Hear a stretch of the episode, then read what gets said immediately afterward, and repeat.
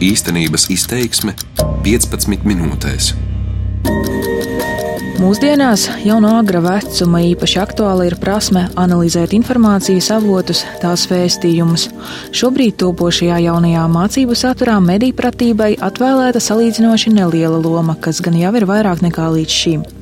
Šoreiz tikos ar vidusskolēniem no trim Latvijas skolām un skaidroju atsevišķu jauniešu ieradumus un skolas lomu medīpratības attīstībā, kā arī vai skolotāji ir gatavi sarunāties ar bērniem un jauniešiem par medīpratību.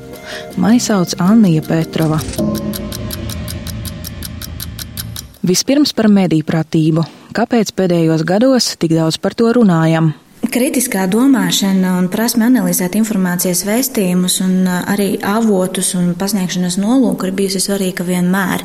Bet tomēr šobrīd, kā zinām, gan ģeopolitiskā situācija, gan arvien pieaugošais informācijas apjoms mūsdienās padara medīpratību par vienu no nepieciešamākajām prasmēm. Tā pērn vasarā, kad vēl tikai tapa pirmais pētījums par Latvijas iedzīvotāju medīpratību, stāstīja kultūras ministrijas mediju politikas nodaļas eksperte Klinta Ločmele. Nav nav runa tikai par to informāciju, kura veido mediji, kuriem ir redakcionālā atbildība un arī ētikas kodeks, bet arvien pieaug tādas informācijas apjoms, kurai mēs nemaz nezinām autoru, vai arī kura varbūt apzināti veidota kā maldinoša. Tad vasaras vidū tāpa pētījums un kļuva skaidrs, ka daļai iedzīvotāju prasmju, lai orientētos informācijā, nepietiek.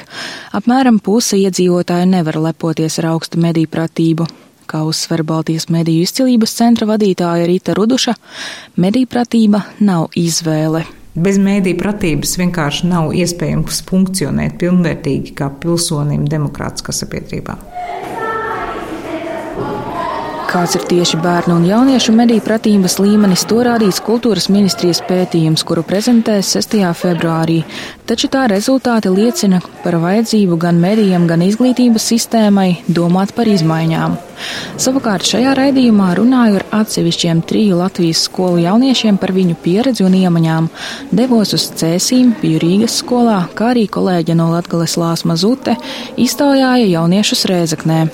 Skolas Rēzaknes trešā vidusskola, draudzīga aicinājuma Cēsu valsts ģimnāzija un Ziemeļvalstu ģimnāzija. Vēl jau tagad neviena nav. Tas ir loģiski. Ir rīts un esmu Ziemeļvalstu ģimnāzijā Rīgā. Sarunā ar 12. klasi. Kabinetā sēž apmēram 25 jaunieši. Sastiet plaukstas tie, kam ir Facebook, Twitteris un tā tālāk. Kuram nebija? Man nav telefonā. Un Sastiet plaukstas tie, kas ieiet uh, sociālajos tīklos biežāk nekā desmit reizes dienā. Kas neieiet vairāk nekā? Tie, kas ieiet, vai jūs to darat arī stundu laikā? Dažreiz. Naktī pēc 11. Vai tas jums dažreiz traucē? Miegu stundas Kāpēc? Es jau nevaru aiziet gulēt vienkārši. Es vienkārši skatos, kas notiek uh, pasaulē. Kas vien tur ir, gan ziņas, gan ko draugi dara, gan smieklīgu skaķu video un tālāk. Garlaicīgs stundās paliek, tu vairāk nespēji koncentrēties, tad kaut kā automātiski ko darīt, lai nerunātu, netaisītu troksni, kaut ko paskaties telefonā kaut kādi posti Facebookā, nezinu, tur kaut kādas ziņas, Delfi vai TVNets vai video skaņa noņem un paskaties kaut ko. Arī citur skolēni atzīst, sociālajos tīklos pavada daudz laika. Es ļoti daudz laiku pavadu Instagram. Man ļoti patīk skatīties skaistus profilus, skaistas fotogrāfijas, kaut kādus populārus cilvēkus, sekot, kā viņi dzīvo. Un tas ir interesanti ļoti un arī eh, Facebook.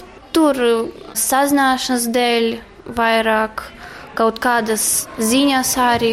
Kāda jaunieta lieto Facebook, Instagram, kontakts? Es pavadu sociālos tīklus ļoti daudz laiku, pat varu sēdēt stundām, pat naktī. Nu, stundas laikā skola varbūt ne, bet starpbrīžos visu laiku. Piemēram, sarakstās ar paziņām un draugiem, kas nav klases biedri, lasa ziņas, citu informāciju, arī skatās kādas jautras fotogrāfijas, lai nebūtu garlaicīgi. Man liekas, es daudz atvērtākā uh, sociālos tīklos nekā reālajā dzīvē. Jo es varu brīvi sarakstīties, brīvi savu domu izstāstīt. Kā var secināt, no radio, televīzijas vai avīzēm uzrunāties skolēni informāciju gūst salīdzinoši reti. Kāda vidusskolniece atbild visbiežāk lieto Facebook, jo tur esot viss un visi.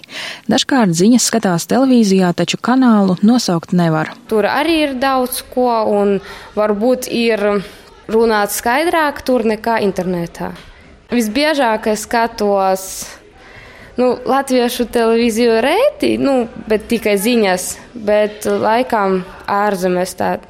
Es nezinu, kādas, jo nosaukumu es neskatos. Es parasti skatos programmu, kas tur ir, un to skatos. Pārsvarā tā esot Krievijas televīzija, retāk LNT. Tāpat dažkārt līdzās nopietnākai informācijai jaunieši lasa arī dzelteno presi. Citi savukārt ziņām neseko. Sociālajos tīklos sekotajiem masmēdījiem un redzēt uh, tos titulus, un, ja man interesē, uzspiest un palasīt tālāk. Delfi, man notifikācijas nāk uz telefonu. Jā, tas vienīgais no latviešu masmēdījiem. Uh, Washington Post, The Sun, uh, kaut kāds The Bulletin. Guardian aplikācija telefonā. Arī nu, dažādi citu ziņu aplikācijas arī. Tradicionāli viņam tas visiem tie polo, delfi un TVNets, jā. Kas jauns? Vidusskolēni ārpus Rīgas norāda, ja mājās redz vietējo avīzi, tad palasa arī to. Ne bieži, bet dažreiz sanāk, kad ieiet kādos internetā tieši pastīties, vai arī, kad mājās ir druviņa, tad lasu cēsu ziņas. Cirreiz internetā izlasu kaut kādu ziņu virsrakstu, tādas sīkāk izlasīt kaut kas interesē, bet parasti no rītiem tikai skaros ziņas un visu. Ne tikai tas, kas uzlicis ekrānā. Dažreiz lasu internetā delfus. Prasmes atšķirt uzticamu informāciju no maldinošas, uzrunātajiem ļoti atšķiras. Pārliecinošāki ir tie, kas paši interesējušies par šiem jautājumiem vai, piemēram, piedalījušies debatēs par tematu, vai Latvijā ir pieprasījums pēc kvalitatīva mediju satura. Vai ir vispār fakti tā kā tiešām skaitliski un tā, un piemēram citāti, un arī autori, piemēram, jo, ja nav autori, tad jau tā ziņa var būt vienkārši no kaut kurienes paņemta. Tie paši virsraksti, vai nav tā, ka virsraksts ir vispār par kādu citu tēmu, un tas raksts ir par citu? Paskatīties vairākus mēdījus, vai apstiprinās arī citās vietās, un, ja nē, pašam palasīt un ieinteresēties par to tēmu. Taču dažkārt skolēni nevar paskaidrot, kāpēc kādus avotus uzskata par uzticamiem vai neusticamiem. Piemēram, kāda skolniece saka, uzreiz ir redzams, ka Facebook ielikta kāda absurda informācija. Es nesaprotu, kā cilvēki var ticēt tam un diskutēt par to, jo nu, pirmā skatienā ir saprotams, ka tas ir aplams, ka tā nevar būt. Pēc sajūtām, man liekas, jā, tikai. Te var secināt, ka ar jauniešiem par mediju pratību runā maz. Ja to nedara ģimenē, tad arī skolā par to nevienmēr uzzinās. Citādāk, ja jaunieši izglītojas ārpus skolas, piedalās projektos, interesēs par šo tēmatu, piedalās debatēs, to apliecina gan uzrunātie jaunieši, gan arī skolotāji.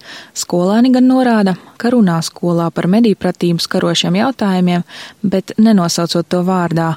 Audris stāsta par savu pieredzi. Baigi nav runāts. Mums sanāca pagājušajā 11. klasē, bija priekšmets politikā un tiesības.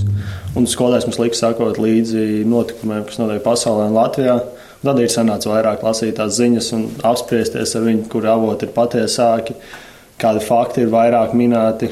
Jau šobrīd dažādu mācību priekšmetu standartu saturā iekļauti mediju pratības jautājumi. Izglītības ministrija par šiem jautājumiem aicina sazināties ar valsts izglītības satura centru. Kas skolēniem šobrīd jāzina, stāsta mācību satura speciāliste Sandra Falka nu, piemēram, 9. klasi beidzot sociālajās zinībās, izglītojamais atbilstoši mācību mērķim patstāvīgi izvēlas un lieto piemērots informācijas avotus, kritiski novērtē izvēles un izmanto mācību uzdevumam atbilstoši informācijas iegūs veidu. Viņš eh, prot dažādos veidos sistematizēt un apkopot informāciju. Viņa gan piebilst, ka problēmas pastāv ar iegūto zināšanu pielietojumu ikdienas dzīvē acīm redzami, ka šobrīd mācību saturā mediju pratībai nav veltīta pietiekama loma. Arī uzrunāties skolēni uzskata, ka par to skolā jārunā vairāk. Es domāju, ka tas ļoti noderētu. To būtu vairāk jāsāk mazākās klasēs darīt. Man ir jaunāks brālis, kuram ir 9 gadi, un es ar viņu diezgan daudz runāju par to, kādas ziņas ir īstas, bet kas ir tikai izdomās, lai piesaistītu uzmanību. Es man arī stāstu par to, kādas bildes vajag likt te pašā Instagram vai Facebook, un kādas nevajadzētu likt. Jūtīgiem telefoniem, gan internetam, jo tagad nu, jebkurš gandrīz var paņemt, izveidot mājaslapu un tikai rakstīt ziņas, kādas vien grib. Te jāvaicā par skolotāju gatavību runāt vienā valodā ar saviem audzēkņiem par šiem jautājumiem. Šķēres, aiza, plaisa. Šādu raksturojumu raidījumu veidošanas laikā par jauniešu un skolotāju atšķirīgajām prasmēm dzirdu teju no visām iesaistītajām pusēm. Par to runā to starp draudzīgu aicinājumu Cēsuvalsts ģimnāzijas vēstures skolotāja Ingūna Irbīte. Viņa strādā arī izglītības attīstības centrā, kas skolotājiem piedāvā tālāk izglītības kursus. Tradicionāli tradicionālos eh, formātos mēs esam pratīgāki, nu tā lielā līnija.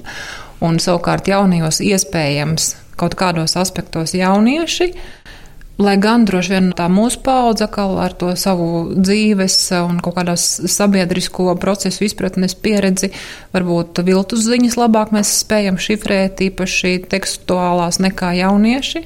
Šķēres starp jauniešu un skolotāju prasmēm pierāda arī Rīgas Stradiņa Universitātes komunikācijas fakultātes dekānes Andas Rožakalnes pētījums par skolotāju pašvērtējumu dažādos medīpratības jautājumos. Secināts, skolotāji jūtas labi tradicionālo mediju vidē, tikmēr viņa audzēkņi pēc skolotāja paustā par to saprotot maz. Taču skolēni mediju pratību izpauž caur aktīvu tehnoloģiju lietojumu, kur vāji ir skolotāji, tāpēc kopīgus saskarsmes punktus atrast ir grūti un tā ir problēma, uzskata Rožu Kalne. Taču ko par skolotāju prasmēm saka jaunieši? Oi, vispār kā tāda, kā lietot dators, kā internetu lietot, ir pamatīgi tāda aiza, varētu teikt. Jo ir daudz skolotāju, kur pat ja tie ir nu, tādi zinoši skolotāji, ka viņi nezina, kā lietot parasti internetu, būtu jāpiestrādā vairāk. Vai arī vismaz kaut kādu kursu jāizveido, kad tur skolotājiem palīdz. Man liekas, ka mūsdienās ir ļoti daudz skolotāju, kuri ir ļoti gudri arī šajos visos medijos, sociālajos tīklos, bet mūsu skola man liekas, ka nē. Arī stundu laikā viņi sēž internetā vai pie datora un nesaprot, ko viņam darīt. Jāsacina, kamēr skolēni dažkārt lasa to, kas uzliet uz ekrāna vai par ziņas patiesumu spiesti spriest pēc sajūtām, lielā mērā par jauniešu mediju pratību atbildība novelta tieši uz dažkārt maz par to zinošo skolotāju pleciem.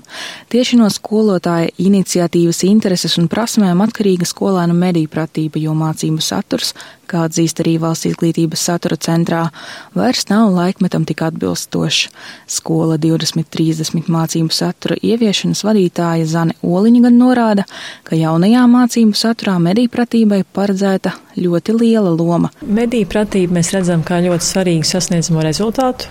Mēs gan to neesam definējuši kā tādu atsevišķu, es teiktu, sasniedzamo rezultātu kopu, kur precīzi tā arī nosaukt. Tādēļ varbūt grūti to uzreiz ieraudzīt. Savukārt publiski pieejamajā un sabiedrības apspriešanai nodotajā dokumentā par jauno mācību saturu mediju pratības gandrīz nav. Pāris rindkopas veltītas digitālajai prasmei, kas gan nav gluži tas pats. Te vēl piebildīšu, ka varbūt labs sākums būtu savā starpā vienoties par pamatjēdzienu izpratni, proti, Pat izpratne par mediju pratību abās ministrijās ir atšķirīga. Piemēram, Zanes Oliņas izpratnē mediju pratība ir nozīmīga digitālās prasmes komponente, tikmēr kultūras ministrijā un arī mediju eksperti uzsver, digitālā prasme ir tikai daļa no mediju pratības. Par to, ka runāšana skolās par mediju pratību arī turpmāk varētu būt atkarīga no skolotāju iniciatīvas, satraukta ir kultūras ministrija.